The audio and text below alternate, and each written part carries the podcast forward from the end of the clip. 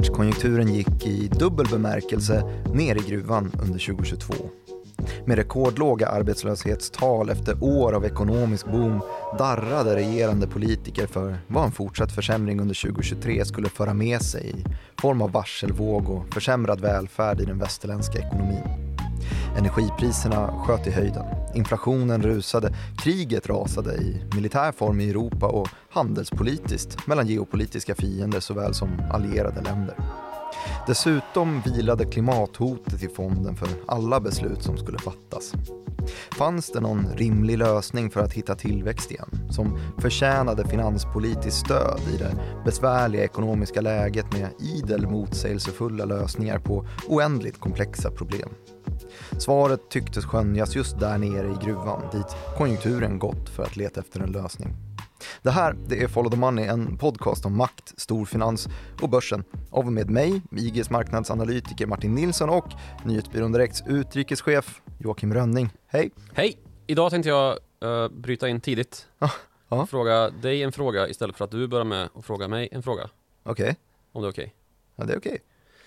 Är du alkoholförgiftad då efter att du har försökt supa arbetsmarknadsminister Johan Persson under bordet på gårdagens gasellgala? Undrar jag. Fan vad man skulle förlora den matchen känner jag direkt. Ja. Alltså jag är... Han har en starkare aura av att kunna supa någon under bordet än vad du har. Ja, verkligen. Du är alltså inte alkoholförgiftad? Ja, svaret är nej. Jag, alltså jag, är jag är trött men jag är inte, inte nämnvärt i alla fall alkoholförgiftad. Jag, jag, tog det ju lugnt eftersom att jag skulle upp och skriva morgonbrev tidigt. Aha. Som man kan signa upp sig på på ig.se morgonrapport. Men... Eh, Fick du det sagt? Du ser ju varken trött eller bakis ut. Du, Nej. du var inte bjuden eller? Tack och lov. Man fick faktiskt reda på, på alla möjliga saker. Alltså. Jag, menar, jag, vet, jag vet ju att Johan Persson var där till exempel. Ja. Och, och var, han höll tal eller? Nej, jag, jag vet inte vad, vad jag kan, kan avslöja riktigt. Jag vill ju kunna käka oxfilé i Blå hallen år framöver också. Det får man inte som IGs marknadsanalytiker. Jag talar om för dig. Nej, okej, okay, men jag kan ju avslöja att eh, hotellmagnaten eh, Petter Stordalen utklassar i alla fall den här Liberalernas partiledare Johan Persson i energi. Tillika arbetsmarknadsminister. Det är han också ja. Alltså de, de pratar ju precis lika högt, de här två, två gubbarna. Men eh, Persson lyckas ändå producera väldigt mycket GV-aura nästan. Det är mycket uh, som att han sitter i en soffa fast han står på scen. Ja. Men han sa, han sa desto, desto intressantare saker ändå. Peter Stordalen har ju å sin sida energi nog för att utrusta hela Northvolt-fabriken med hållbar el för överskådlig tid. Ja, ja, så det, det kanske är ett svårt uh, jämförelsetal. Ja, men de är ju, de är ju varandras motsatser. Men, eh, men Persson sa intressanta saker. Jag skickade ju en, en intervju till dig. Har du lyssnat? Du tänker på den här LKAB-historien som du... Ja, jag fick den eh, tipsad av mig. Det var lördagsintervjun ja. av min, min svåger. Okay. Och jag skickade den till dig för att gifta ihop den med talet som Johan Persson höll okay. och som jag tänkte skulle bli lite temat på det här avsnittet. Det låter bra. Det var en trött intervju vill jag tillägga. Ja, ganska trött, men, men likväl eh, Ett intressant sätt, ämne Den röda tråden finns och den, ja. den lyser ju starkare Vad ska vi prata om? Ja men gruvor Ja det ska vi Det förstod man när det var LKAB-intervju ja. Och introt sa vi också gruvor flera gånger Ja det gjorde vi det faktiskt du sa Nej men så det som man kan plocka ur den här LKAB-intervjun utan att man måste lyssna på hela den halvtimmen så är det ju när han får frågan om vad som behövs från politikerna. LKABs vd alltså? LKABs vd får frågan vad behövs från politikerna. Och eh, han menar att vi har, vi har nu lagt ner de investeringarna vi behöver. Vi har lagt ner miljarder på det här. Och det enda som vi behöver just nu för att kunna göra den här gröna omställningen som världen skriker efter är tillstånd och tillståndsprocesser. Mm. Det är mm. det som är den stora tröskeln. Och de kommer ju nu, i ja. alla fall, i Sverige. Ja, men... En skitig gruvutvinning ska vi ägna oss åt. Ja, men förhoppningsvis så blir den ju inte så skitig och det är ju här tillståndsprocesserna fortfarande är tröga och kanske just därför. Men man fick ändå lite hints i Johan Perssons tal på Gasellgalan då, för att han pratade ju just då att vi eh, har varit ganska handlingsförlamade och när jag säger vi så menar jag då sittande regeringen eftersom att man inte vill ägga på den här inflationen. Man har ju fått en ett stort nej från Stefan Ingves som är på väg bort från rollen som centralbankschef. Som säger nej, tryck inte ut en massa pengar i systemet nu när det redan är tokinflation. Exakt, och där har vi ju, debatten har ju cirkulerat kring amorteringskravet till exempel. Mm. Och de pengarna i systemet då som man pratar om i det här caset är ju att man ska ja, subventionera gruvdrift Just det. Men det Johan Persson sen äh, vädjar, eller han ger som, som tips och råd och betryggande ord till de entreprenörerna som var på Gasellgalan, äh, så var det just att vi har torrt krut i ladorna om krisen blir värre. Och han menade ju då att de kommer göra stora insatser, de kommer satsa på nya stora energisystem och så vidare, lägga ner mycket pengar lät det som. Mm. Sen får vi se om han, eh, han har möjlighet att, att göra det. Om inflationen avtar eller inte? Ja, dels det, men också ska han ju få någon form av tumme upp från sina regeringskollegor också ju. Just det. Men det tror inte jag blir så svårt, för att vi, vi är ju i ett läge just nu där inflationen har skenat iväg och så har räntorna jagat i kapp. Och eh, så har vi nått en, ett läge där vi kan se ungefär vad toppen på inflation och räntor är. Vi kan i alla fall med, mellan tummen och pekfingret säga ungefär var de kommer landa. Mm. Och när vi har nått den här toppen, när vi vet ungefär hur höga räntorna behöver vara för att få tag på inflationen så kommer ju det här tunnelseendet vidgas lite grann. Om man nu bara har eh, stirrat sig blind på inflationen så kommer ju den dimman lätta, den inflationsdimman lätta och så kommer man skönja det här landskapet bakom. För att med varje åtstramning så har vi ju förstört ekonomin. Det är ju lite hela premisserna i det, att man ska försöka kyla ner ekonomin, bromsa tillväxten och i det ledet också bromsa inflationen. Och då blir det fokus istället på hur lång och hur djup recessionen, lågkonjunkturen, kommer vara därefter. Och då kommer man se vilka delar i ekonomin är det som har gått sönder när vi har stramat åt. Mm. Och där, när man är i det läget, när, ja, jag fick den här samma fråga i Börsmorgon förra veckan. DI. I DI, ja, exakt. Och eh, då tog jag det målande exemplet där politikerna möts av allt fler första sidor på Aftonbladet och Expressen av sorgliga bostadsmarknadshistorier. Tids nog varsel också. Varsel, ja såklart. Där människor far riktigt illa. Då tror jag att det kommer vara helt och hållet omöjligt för regeringen att inte göra allt för att försöka skapa nya jobb. Mm. Och alltså stimulera från finanspolitiskt håll. Och på samma sätt så tror jag att centralbanken, som är den andra delen i det här spelet, kommer vara ganska sen med att börja sänka räntorna, utan de kommer nog låta finanspolitiken ta sitt utrymme här och göra vad de kan. För det har de ju vädjat om i, i många år. Finanspolitiken måste ta större ansvar, måste få större utrymme och det är ett perfekt läge att göra det här skiftet. Hittills har det ju bara varit fokus på på centralbanker, på Riksbanken. Så finns det några sådana arbetsplatser som är under uppbyggnad då som man kan tänka sig behöver investeras i? Eller? Ja men det är ju just det som eh, jag tyckte att det hintades om lite grann i, i Johan Perssons tal och i kombination med LKAB-vdn här som sa att vi måste få bättre tillståndsprocesser. För det är ju såklart lågt hängande frukt att ska finanspolitiken lägga ner skattepengar på någonting så kommer det ju handla om en omställning mot en grönare ekonomi. Och då är det dels då att rusta upp såklart energi och rusta upp kanske vägar och den typen av infrastruktur. Men det är också då såklart att eh, det ligger ju inte långt bort att man fortsätter plöja ner pengar i till exempel LKAB-projekt med, med grönt stål. Och där har vi ett par olika aktörer på den marknaden. LKABs är ju det där den statliga delen av det hela är det största. Hybrid heter väl projektet eller företaget. Inkluderar LKAB, SSAB och Vattenfall. Så mycket Exakt. statligt inflytande där. Men sen så finns det ju också eh, privata bolag som H2 Green Steel.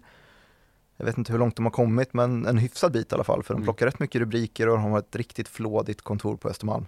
Vet jag. Men också typ Northvolt och, och de bolagen som man har läst mycket om. Det, det är ju eh, inte osannolikt att det kan ramla in lite pengar där. Få igång gruvindustrin, det går ju också i precis rätt linje vad gäller det här med det geopolitiska som vi har pratat om i de senaste 150 avsnitten. Och det här är då välkommen till avsnitt 130. som handlar om just det här att eh, man behöver säkra resurserna på egen plan eftersom att man hamnar i kläm mellan nationer som kommer utpressa en, typ Ryssland då. Och eftersom jag nu varken söp ner eh, eller söps ner av Johan Persson så lyckades jag vara i sinnesfulla bruk att ta in vem som blev supergasellen på den här galan. Ja, Har du någon koll? Nej, ingen aning. Nej. Minnovation heter de.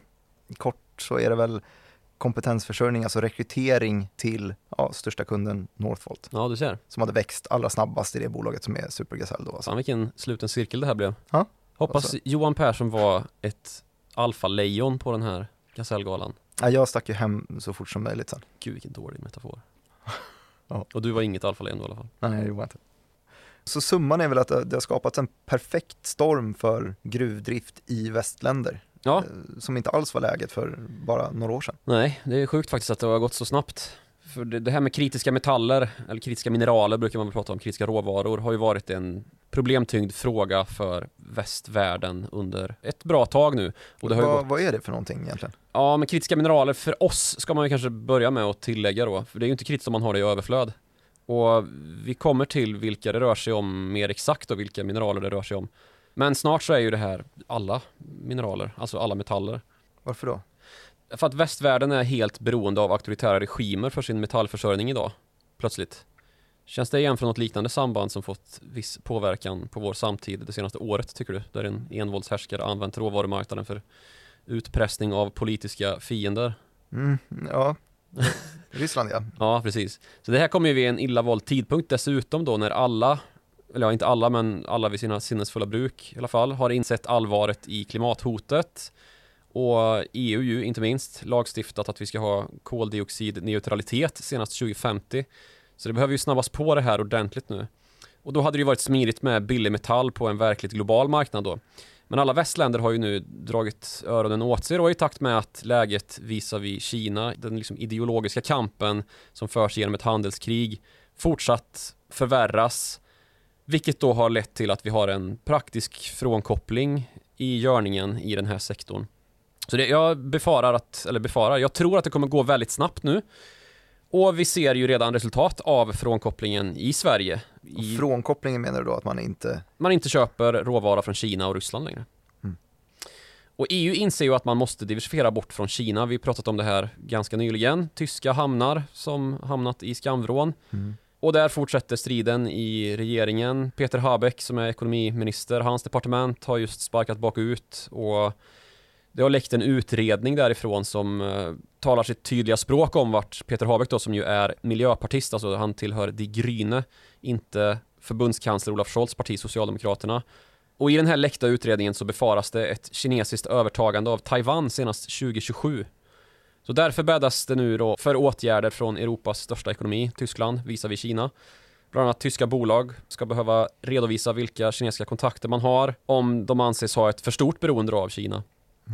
Men det här är ju inte bara EU som sagt. Alltså, råvara kan endast anses vara kritiskt om man saknar tillgång till den. Och det gör ju alla länder förutom Kina och Ryssland i princip. Kanada är ett annat bra exempel på det, som ju dessutom är en väldigt stor gruvnation. Som nyss beordrade efter en nationell säkerhetsutredning att tre kinesiska litiumbolag skulle lämna landet helt enkelt och sälja sina andelar som införskaffats i tre noterade kanadensiska gruvbolag. Hmm. Varför det här kan man undra? Jo, man kom då fram till att riskerna är för stora med att ha ett land som Kina som intressent i utvinningen av metall som är viktig för Kanadas framtida digitala och gröna omställning. Inte bara Kanadas utan alla allierade till Kanada som ju är ett NATO-land. Och förklaringen var då att Kina delar inte våra politiska intressen och värderingar så get out, mer eller mindre. Mm. Men Kina dominerar väl redan totalt här ändå? Ja, det gör de. Och det hör ju till saken att metaller som är nyckel för att åstadkomma ett teknikskifte då som tar itu med klimathotet som ju drivs av så mycket metallanvändning så att det påverkar på flera sätt. Alltså, dels har vi i utvinningen och förädlingen kolanvändning för att smälta järn och tillverka stål och dylikt. Men sen så har vi också då det faktum att metaller är högst nödvändigt för att man ska kunna generera grön energi, alltså upprätta vindkraftverk och solpaneler och annat. Så här handlar det om att stänga kretsloppet också.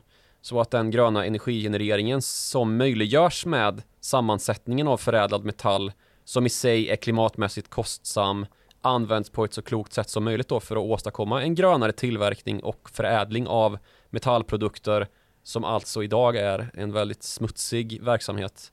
Och allra smutsigast så är den ju i eh, länder som inte har så mycket till gröna satsningar såklart.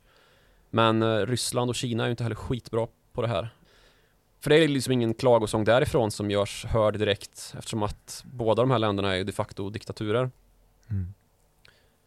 Så jag har en, en hyfsad bild av vilka metaller som det kan tänkas handla om, men eh, just de här mest kritiska, vilka har du på din radar? Ja men ja, vi kanske ska gå till botten med det liksom att de metaller vi pratar om i fråga om strategiska då, eller kritiska metaller som det brukar beskrivas Det har ju hittills mest varit litium, kobolt och sällsynta jordartsmetaller Men nu, givet det här världsläget vi står i då med Ryssland, Ukraina, NATO och Kina då som allt mer isolerar sig och isoleras av världssamfundets västallierade, de fria länderna så har ju läget gått mot att nästan alla metaller har blivit strategiska eftersom att ju vår värld är så extremt beroende av dem.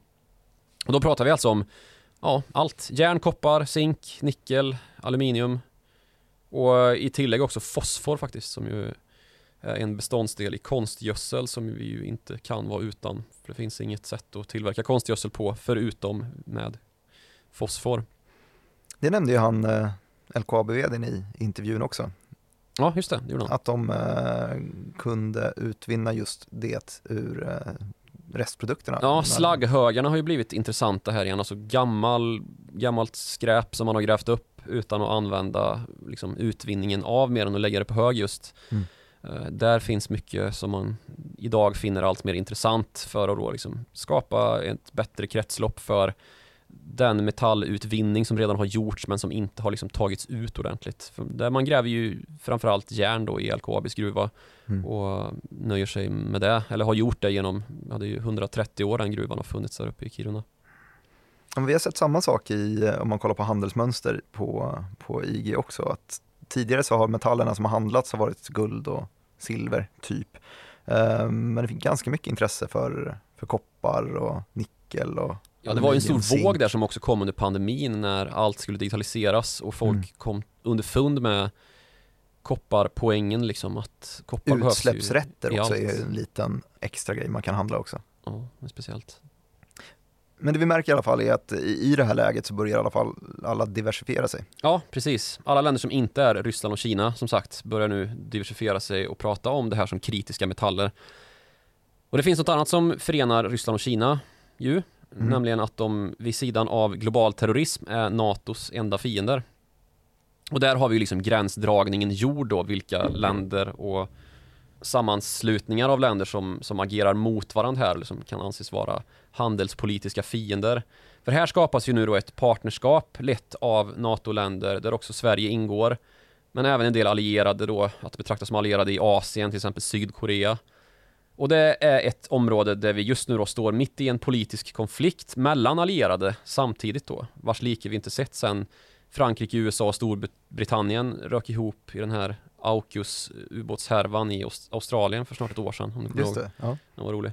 Såväl EU som eh, Sydkorea då är vansinniga på USAs eh, politiska kampanj Inflation Reduction Act, eller kampanj, det är ett, en lag som har skrivits som man då anser gör EU-tillverkade metallprodukter prismässigt odugliga jämfört med amerikanskproducerade metallprodukter. Känner du igen det här? Ja, lite grann. Hur, hur funkar det? Det är då subsidier som riktats mot amerikansk metalltillverkning samtidigt som EU valt att plana ut sån konkurrensojämlikhet då. Så EU anser att USA är orättfärdiga visar vi EU-tillverkade metallprodukter då. Så det är lite surt där. Om man försöker eh, nå en ja, jämkning på något sätt och det verkar vara på väg att man gör något undantag i, i USA då. Mm. Så, så, USA taktar upp sin produktion och det planeras diverse gruvprojekt i Sverige och hela Europa. Men inte Afrika har vi snackat om mycket tidigare, att de har resurserna i marken i alla fall. Mm. Vad, vad, blir deras plats på kartan? Så är det, Afrika och Kongo. Eh, visst, stor exportör liksom, men bolagen som verkar i det här landet är ju sällan kongolesiska om vi ska vara helt ärliga. Just det. Så utbudsmakten kan man ju säga ligger i händerna på västländer eller Kina primärt när det kommer till metallmarknaden.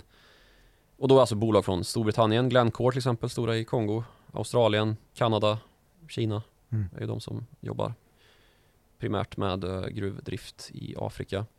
Till viss mån även Ryssland något de försöker göra invägar på senare tid med sin härliga Wagner-armé. Mm. Sen finns det en särskild kritisk punkt i metallmarknaden kring en viss sällsynt isolerad utbudsfråga av just sällsynta jordartsmetaller som de brukar kallas. Just det, som det har hittats många i Sverige. Ja, det har det gjort. Skandium. eller? Resarö hade Ja. vi stor utvinning av jordartsmetaller. Och det här är någonting som har funnits i, eller finns i väldigt många länder där det har funnits utvinning i ganska stor utsträckning. Länder som USA och flera ställen i Europa och sådär. Men där vi idag är totalberoende av Kina. Kina står för 98% av EUs efterfrågan av de här sällsynta jordartsmetallerna som då är 17 grundämnen. Som behövs för elektronik och batterier. Och Ja, där. precis. Elektrifiering och digitalisering kan man väl liksom sammanfatta det under. Mm. Det är liksom en efterfrågan som dessutom spås femfaldigas till 2030. Och ja, som sagt, 98% av EUs efterfrågan kommer från Kina. Och det femfaldigas just för man tänker sig att till exempel elbilsflottan kommer. Ja, och vi kommer Öka. behöva bygga ut kraftnät och vi kommer behöva mer el som dessutom ska vara grön och sällsynta jordartsmetaller används för att tillverka magneter. Och magneter är väldigt viktiga för att man ska kunna driva ett vindkraftverk till exempel. Mm. Så för att få någon förgröning av energisystemet så måste man ha sällsynta jordartsmetaller för att det ska funka. Mm. Det är liksom en jätteviktig komponent i all typ av elektrifieringsinvesterande idag att det finns tillgång till sällsynta jordartsmetaller. Vilket det ju gör. Men hela leverans eller värdekedjan är centraliserad då till Kina idag. Vilket är jätteproblematiskt. För det är ju då inte fråga om att det saknas resurser att gräva upp det i EU. Det är liksom mest varit en fråga om att vi tycker det är så jävla skitigt att vi inte vill det. Är det inte också att det har varit väldigt mycket billigare att Jo. bara köpa det därifrån? Precis, Och och då i blunda. kombination med att det är så grisigt och utvinna det så, så har det ju varit skitsmidigt att bara tacka Kina för att de smutsar ner eh, hemma hos sig och att vi kan slippa den typen av utvinning här i eh, våra länder. Sverige är som sagt inte ett oävet land för att utvinna sällsynta jordartsmetaller. Vi har stora fyndigheter, bland annat Resarö då, som sagt. Och sen så har vi Norra Kärr också, nere vid Vättern, Just som ju det. har blivit en stridsfråga där, norr om. Edge Materials är det som äger den va? Just det, börsbolag, Mm. kanadensiskt. Ja, från början kanadensiskt men en svensk vd. Ja, har du träffat honom? Ja, Det är alltså de som vill öppna den här gruvan i Norra Kärr som ju har eh, ja, inte fått tillstånd. De fick nekat tillstånd eh, i någon instans och nu har de överklagat och den här processen går ju sin kamp mot det lokala motståndet som ju betraktar den här gruvan som ett ja, men hot mot lokalsamhällets miljö och ja, dessutom ligger ganska nära intill Vättern ju som ju är dricksvattentäkt för stora delar av södra Sverige. svårt med tillstånd med andra ord. Ja, det problematiseras ju såklart. Men vi kan ju i alla fall konstatera att det har blivit lite en ny vår för gruvprojekt som nästan till har legat i malpåse i många herrans år. Vi har ju i norra Sverige också Beowulf som ju har fått, eh, fått igenom ett godkännande och vi har också, vad heter den, uppe i Copperstone Resources tänker du på? De är i gamla LKAB-gruvan utanför Kiruna.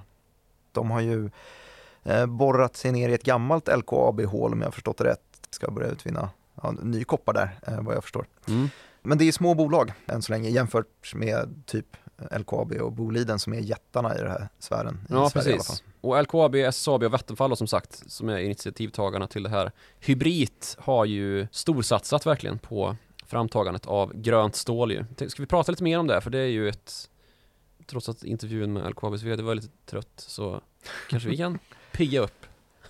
Känner du dig pigg? Nej, Eh, Jag känner mig inte pigg. Det är du som får driva energin idag. absolut. Jag driver energin här, precis som Peter Stordalen. Mm-mm. Det här är ju ett ganska så kraftigt kritiserat projekt, om man ska vara ärlig också. Ja. Många frågar sig, var är elen som ska driva det här gigantiska stålprojektet? Ja, för, hur- för hur kommer det gå till? Det kommer gå till så att man använder vätgas istället för kol. Vätgas som alltså då om det produceras med hjälp av grön energi är just grön, alltså noll koldioxidutsläpp. Vilket medför då att om man lyckas byta ut kolet då i de processer som kräver det, för upphettning är det ju fråga om då, och kol är ju, stenkol är ju bland det allra mest koldioxidintensiva energislaget vi har, så gör man ju enorma koldioxidbesparingar på det här. Men problemet är ju då att Sverige står i en eh, akut energikris, vilket ju blivit klart och tydligt här under 2022 när det ryska totala anfallet mot Ukraina har medfört svårigheterna i energimarknaden genom då att Ryssland har stängt av gasen som ett motmedel mot sanktioner mm. mot Ryssland och hjälp till Ukraina från väst då, som ju EU har ägnat sig åt. Och då frågar sig kritikerna, är inte det här bara signalpolitik liksom från LKAB som då får stöttning av svenska regeringen för att det är liksom ett grönt projekt? Just det, var ska elen komma ifrån? Var ska elen komma ifrån är ju den första frågan och den andra frågan är liksom, kommer det här någonsin kunna generera pengar? Just det, vem kommer bry sig om att köpa det här gröna stålet istället för det smutsiga, mycket billigare stålet? Ja, precis. Eller ja, ungefär. Och där finns det ju redan svar att uthämta. Det finns ju avtal med Volvo, Mercedes, Epiroc, Alfa Laval och H2 Green Steel, som är den här privata utmanaren, har ju tecknat ännu fler med bland annat BMW. Så det finns ju en efterfrågan på det här gröna stålet utan tvivel. Och det finns väl också hyfsat mycket el där uppe eller? Jo, det gör det. Och det här är en viktig poäng att dra då, som jag kommer till. Men bara för en liten kort genomgång av marknadsmekanik så kan man ju säga liksom att LKAB är ett bolag som ger utdelning till sina ägare. Och ägarna är vi som är Sverige, svenska medborgarna som betalar skatt till staten eftersom att staten är ägaren av LKAB. Och LKAB har ju satsat multimiljarder på den här processen då som hävdas vara någon sorts klimatsignaleringsbistånd men som väl också av LKAB kallas för liksom en satsning som ska göra att vi bibehåller konkurrenskraft.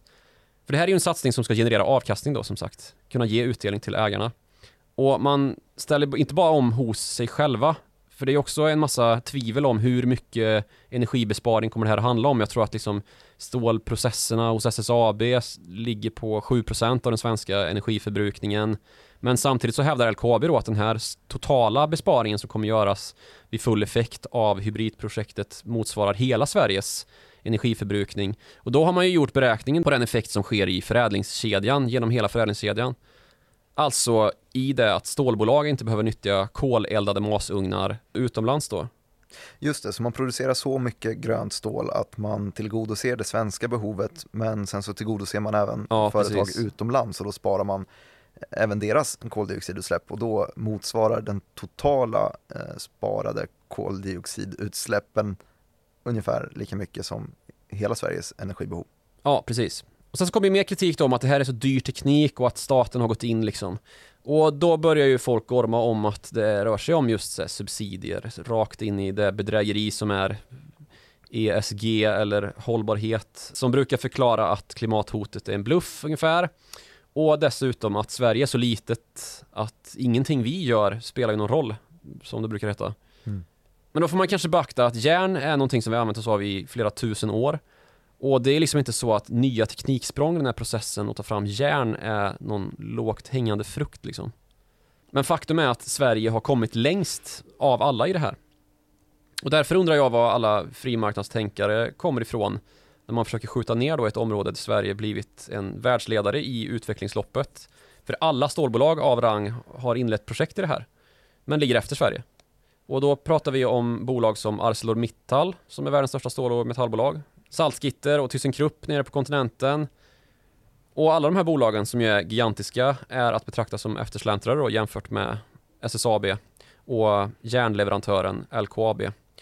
Oavsett vilket så har vi inte adresserat elbristen. Nej, elen finns ju inte. Och den gör ju bättre nytta någon annanstans, tänker man. Eller? Ja. Ja, det är fel. Uh, för det skulle dränera elen på ett helt ohållbart sätt om vi la den i kabel och skickade den söderut då. Inte bara till Sverige utan ännu längre till Europa så blir det ännu värre. Så det är ju bättre att vi nyttjar elen där den genereras för att den inte ska blöda ut på vägen liksom. Och det är ju i Norrland som vi både skapar el, genererar i stora vindkraftverk med vattenkraft och där vi också kan förädla produkter då av elen och få maximal effekt av den. Och här har vi dessutom också arbetet med att utveckla andra processer för ja, men andra råvaror än järn och stål då, nämligen fosfor och sällsynta jordartsmetaller. Okej, så vi har rätt ut efterfrågan, vi har rätt ut någon form av eh, svar på elkostnad då? Ja. Om vi tänker oss att det är fruktansvärt mycket billigare att eh, låta kineserna gräva fram det här. Ja, precis. Så nu får vi då börja ta ansvar själva här för den välfärd som vi har lånat från andra sidan jorden när globalisering skördade frukten av att föra över kostnader för skitjobb då till länder som Kina. Där man inte blivit lika bekväma ännu då när det här loppet inleddes, när man började exportera bort sin råvaruindustri på det här sättet då.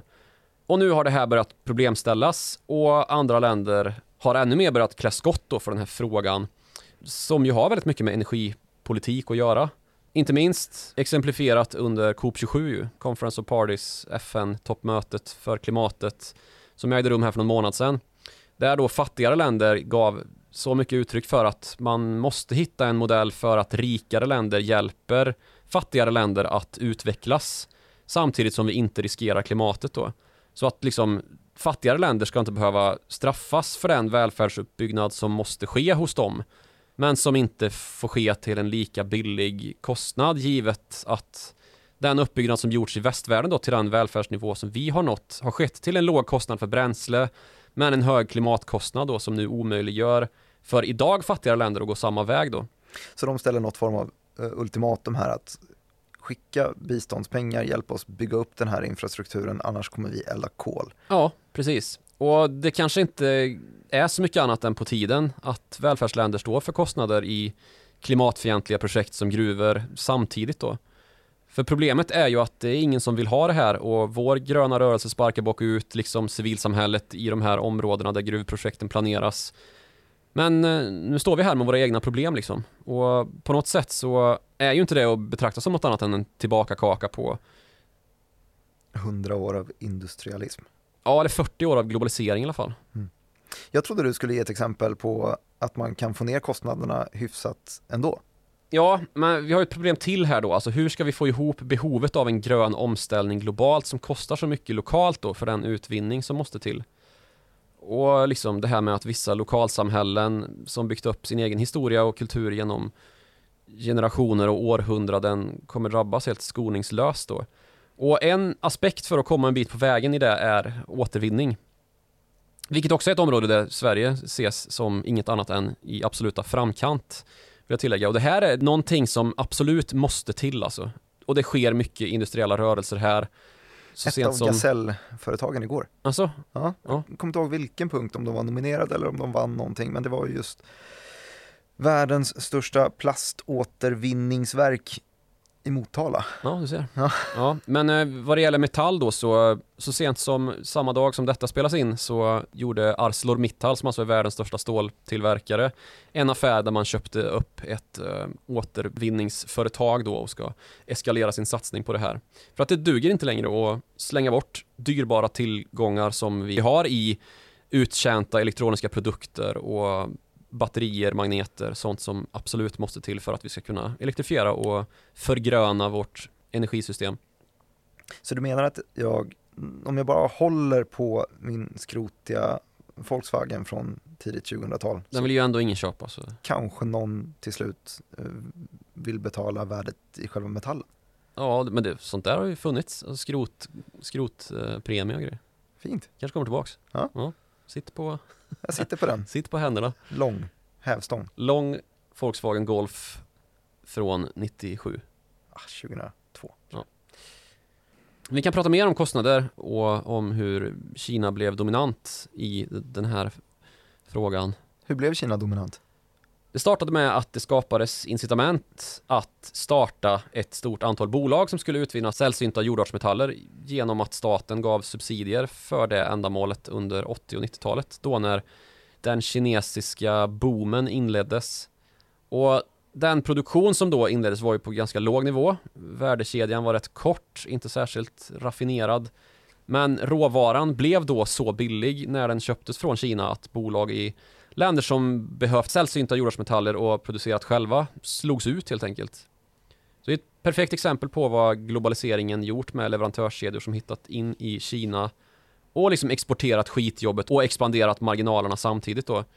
Men nu så drabbas ju de sektorerna av stora själva när man inser då att det här kan ju leda till ganska jobbiga konsekvenser och förlita sig på länder där auktoritära regimer styr för kritisk råvaruförsörjning, precis som Europa gjorde för att få gas då från Ryssland tills det visade sig att gasen användes mot de egna politiska syftena att upprätthålla demokrati i Ukraina.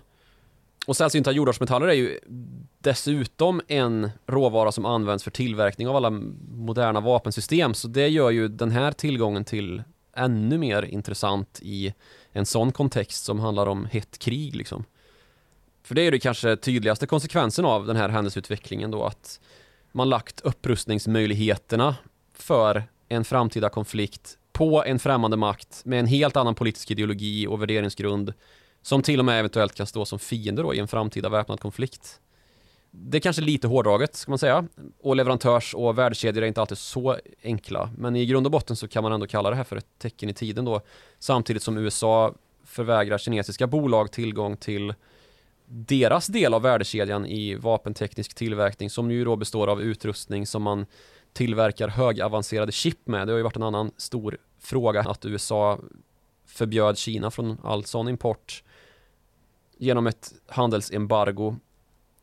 Men, men det räckte alltså att de bara startade en massa bolag för att slå ut västerländska krafterna? Ja, det var så det startade, men sen under andra halvan av 90-talet så började västerländska bolag istället då investera i eh, samriskprojekt, samriskbolag för att förädla råvaror på plats i Kina för att få ännu högre marginaler och samtidigt typ lägga ner den förädlingsprocesskraft som fanns eh, nära de egna konsumenterna eller kunderna då som, som där man tillverkade så att man sålde och tillverkade varor på samma ställe ungefär. Det började man alltså göra i Kina. Och för att göra det så sker en så kallad tekniköverföring per tvång. Alltså i Kina då så får du inte verka i landet om du inte går med på en eh, tvångstekniköverföring. Alltså allt ditt är mitt, sa Kina och i princip konfiskerade all know-how och tog över teknik för att långsamt då inkorporera den här i egna statliga bolag. För det var inte bara en massa småbolag som hade startats av privata aktörer här utan staten hade ju också naturligtvis gjort satsningar på helt statligt ägda bolag som ju var de största i branschen. Och det är de enda som finns kvar nu. Och det har i sin tur att göra med hur Kina nyttjat miljöregler som omvärlden endast kunnat uttala sig positivt om för att köra över de små näringsidkarna då i en helt enorm utslagning genom att dra tillbaka subsidierna samtidigt som de här miljöreglerna skärptes. Mm. Och då har vi gått igenom steg ett och steg två i värdekedjan för råvaror som man brukar prata om som upstreams, midstreams och downstreams.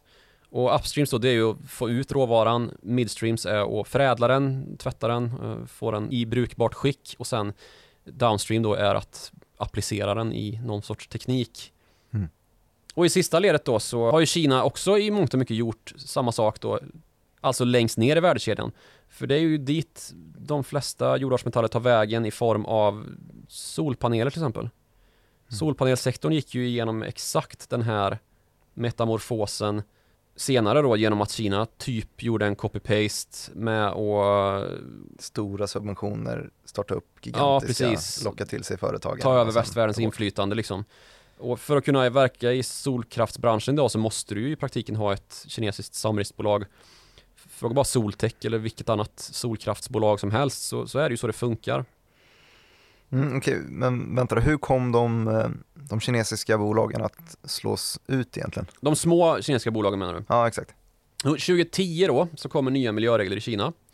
Och västerländska bolag var ju rädda om sina hållbarhetsrykten och hade legat på Kina om att införa just sådana här då för att snygga till de områden som förstörts av utvinningen som ju sker i stora gropar och skapar en enorm försurning. För när man drar ut jordartsmetallerna från de bergmassor som tas upp ur dagbrottet så måste man genomföra en del processer som är extremt smutsiga. Och man kan googla sig fram till bilder om hur det ser ut. Det är liksom riktigt mörkt vad man kan göra med ett områdes miljö genom att ta upp delar ur jorden.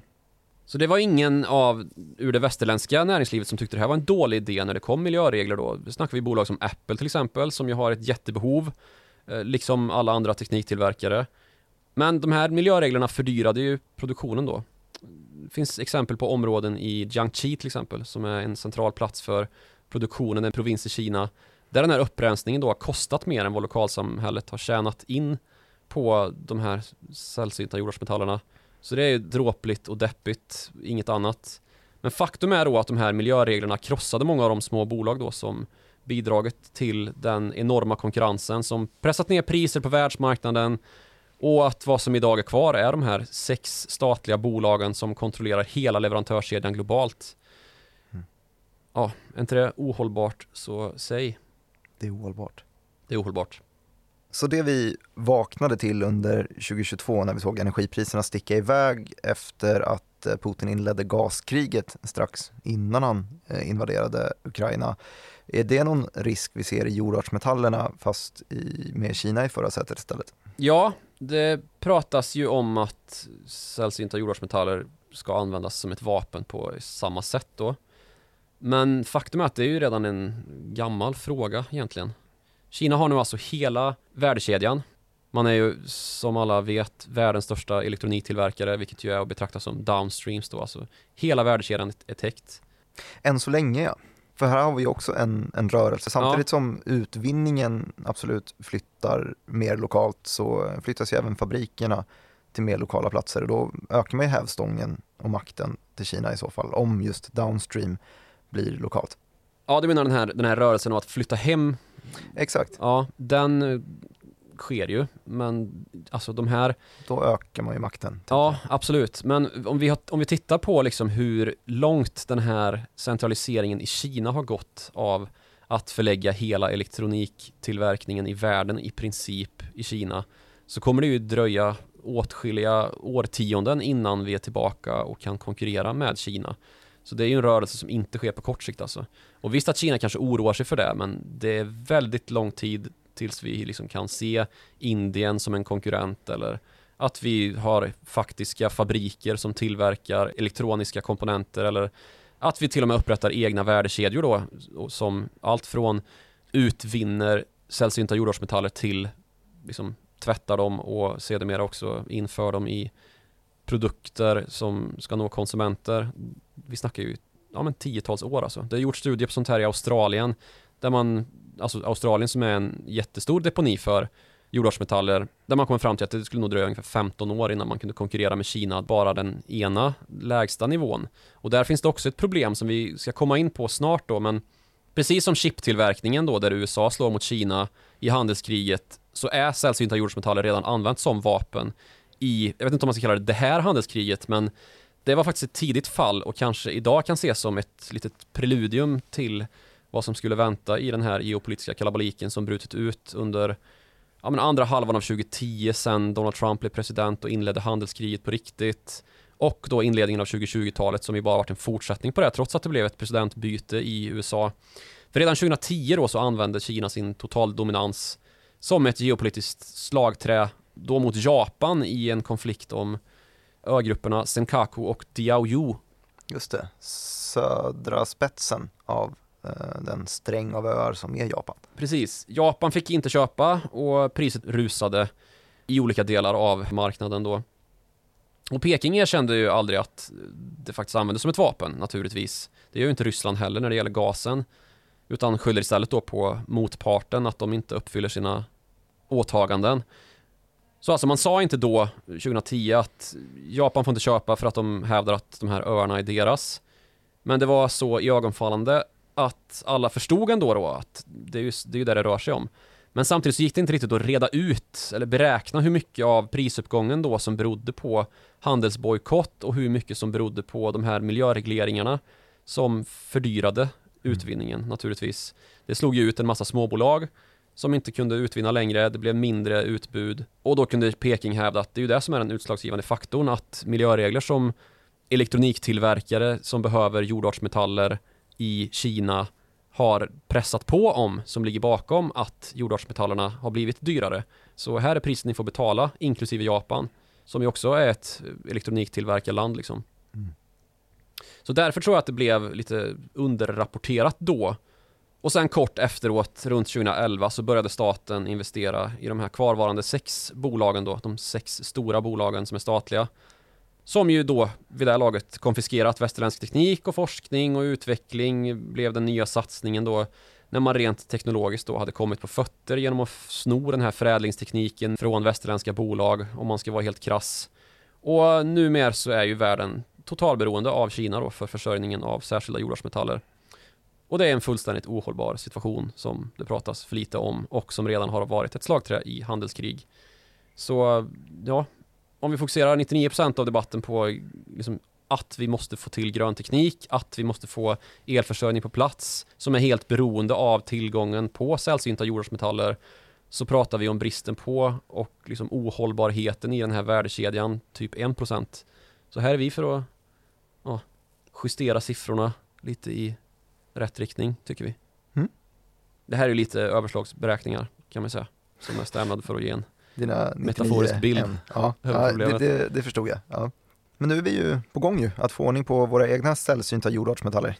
Ja, är vi det? Mer än förr. Ja, absolut. Men vi kan ju genomlysa den här leverantörskedjan och värdekedjan och konstatera att den ändå är ohållbar även om vi börjar utvinna råvaran i våra länder då. Det allra skitigaste i processen.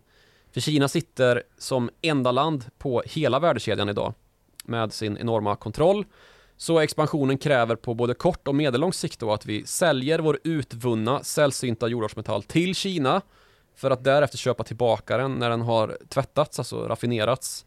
Eftersom det är i Kina vi har 80% av världens processkapacitet för att just raffinera. Smart va? Ja, jättedumt. Så det här är ju absurt nog inte bara något som gjort Kina till världens enskilt största exportör av sällsynta jordartsmetaller utan också världens enskilt största importör.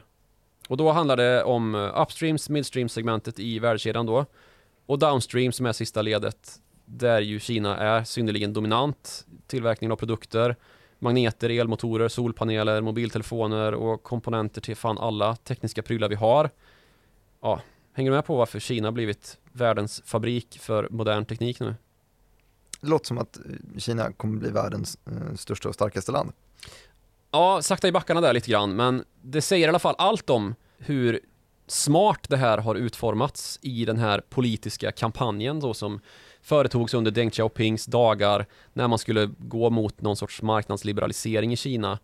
Och vilken stor strategisk jävla superlist Kina har genomfört med resultatet då att landet har kört över den västerländska teknikdominansen och kunnat dra nytta av den för att skapa en egen välfärd i ett land som för 30-40 år sedan var ett fattigt agrarsamhälle liksom. Det är helt enormt det här. Det vi- västerländska minnet är blott en mandatperiod långt. Ja, det är ju problemet och vi pratar alldeles för lite om det här och förstår var och en till mans alldeles för lite om hur det har gått till och att det här schemat liksom som, som Kina har använt på statlig nivå har nyttjats i princip inom varenda sektor där Kina har intressen. Och Huawei har vi pratat mycket om utan att riktigt gå till botten trots att vi har gjort 40 avsnitt om det känns det som, eller nämnt det i 40 avsnitt i alla fall.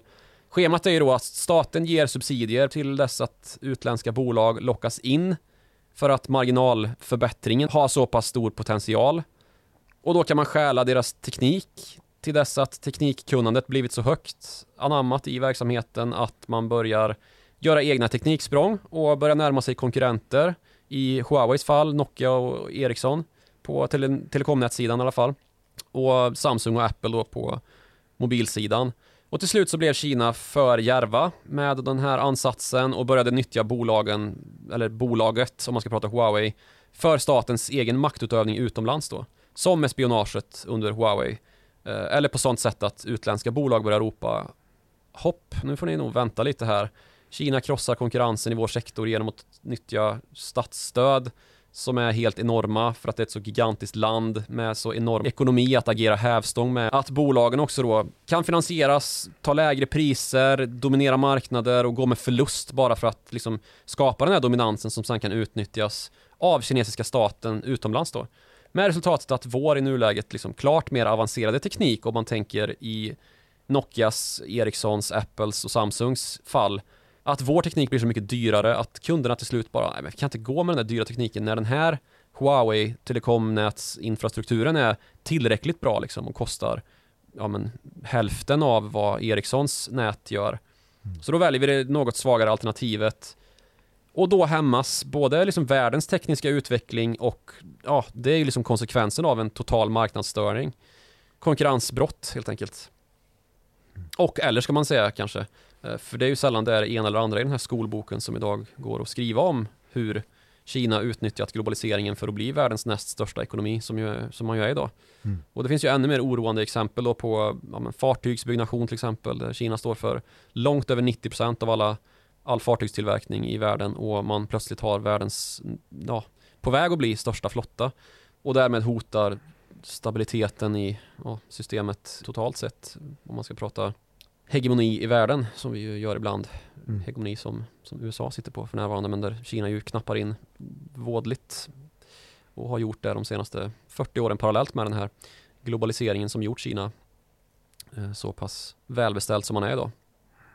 Det, det låter som, eh, som, som att du är oroad över Kina.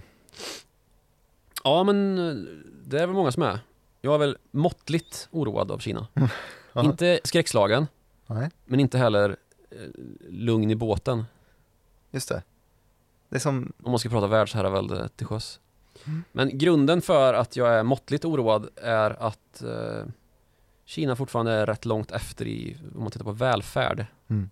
Ligger långt ner i välfärdsligan. Och alltså folk har fått det väldigt mycket bättre från en väldigt låg nivå. Nu blir det svårare att nå förbättringar. Mm. Det här med lågt hängande frukt som nu är plockad. Så det finns förvisso massvis av oroväckande drag i den här utvecklingen som vi ser. Men Kina har också väldigt lång väg att gå för att komma ikapp då. Och ska man komma ikapp någon gång så kan man inte nyttja sig av sådana här semisocialistiska kampanjer av förlustbringande försök till maktövertaganden av sektorer i en kapitalistisk världsmarknad som av naturliga skäl då till slut sanerar marknadsstörande skrotprojekt som de här som Kina har satt i verket. Det ser vi ju hända nu. Huawei är ett bolag som ju ja, är kraftigt på fallrepen mm. och det visar ju att det här är kapitalförstörelse att investera multum i och ta över en marknad så som Kina har gjort på sista raden blir det liksom självförgörande. Och det utgör också, om man ska vara krass, grunden till varför Kina är så extremt skuldsatt. Och nu måste vidta nya mega infrastrukturprojekt för att prångla ut sina skulder då på världen genom att öppna sina finansmarknader parallellt med detta och liksom släppa in det västerländska kapitalet, de västerländska bankerna. Ekonomin växer men landet tjänar inte pengar på ett hållbart sätt och nu har ju väst börjat dra åt tumskruvarna som sagt då. Och samtidigt ser vi covid-protester rasa i landet. Alltså befolkningen är inte nöjd med förbättringarna som ska ske. Eh, de händer inte i den takt man förväntar sig. Och pandemin har varit utdragen, olycksalig och smärtsam i Kina. Vilket, vilket felsteg det har varit av ett land som har beskrivits som fruktansvärt strategiskt. Ja, annars. i början var det ju det kanske. Ehm, man kom ju undan ganska rejält och vi såg de här, alltså redan på sommaren, om man tänker sig att pandemin härjade som allra värst där mot slutet av våren eh, vid pandemins utbrott så redan i juni så kunde man se de här festivalbilderna från Wuhan där eh, pandemin ju bröt ut skumparty liksom. Mm. Det vet, vet, man ju att man inte ska gå på om man inte vill ha sjukdomar. det är smittsamt. Mm. Så jag tänker väl att de här covid-protesterna kanske visar att eh, någonstans inte står så värst eh, bra till i den kinesiska statsförvaltningen när det kommer till att konkurrera globalt liksom och samtidigt hålla sina medborgare på fötter ekonomiskt och socialt. Och det kanske kan vrida globaliseringen till Kinas nackdel i nästa steg efter att man då har dragit vinstlotten med sin eh, storpolitiska superlist. Men så här, fan vet om det inte de kommande tio åren då när vi har kommit igenom den här lågkonjunkturen tagit reda på, eller fått reda på vad som gått sönder i systemet och kunnat börja åtgärda det, komma upp på fötter och nå någon sorts liksom positivism igen att ja, det kanske blir tillbaka kaka mot Kina i nästa led istället då. Mm. Eh, så nej, måttligt oroad över Kinas framfart i världen. Vilket kort svar. Men jag är nöjd med det. Ja, men det, det tycker jag det ska vara. Eh, vill ni själva skicka ett kort men bra mejl till oss så gör man det på followthemoney.direkt.se. Man kan också skicka korta men bra meddelanden till snabel Joakim Ronning så når man utrikeschefen här. Eller mig på snabel Martin Nilsson IG. Vi tackar så mycket för att ni har lyssnat. På Ja. Twitter ja, exakt. Hej. Ha det så bra. Tja!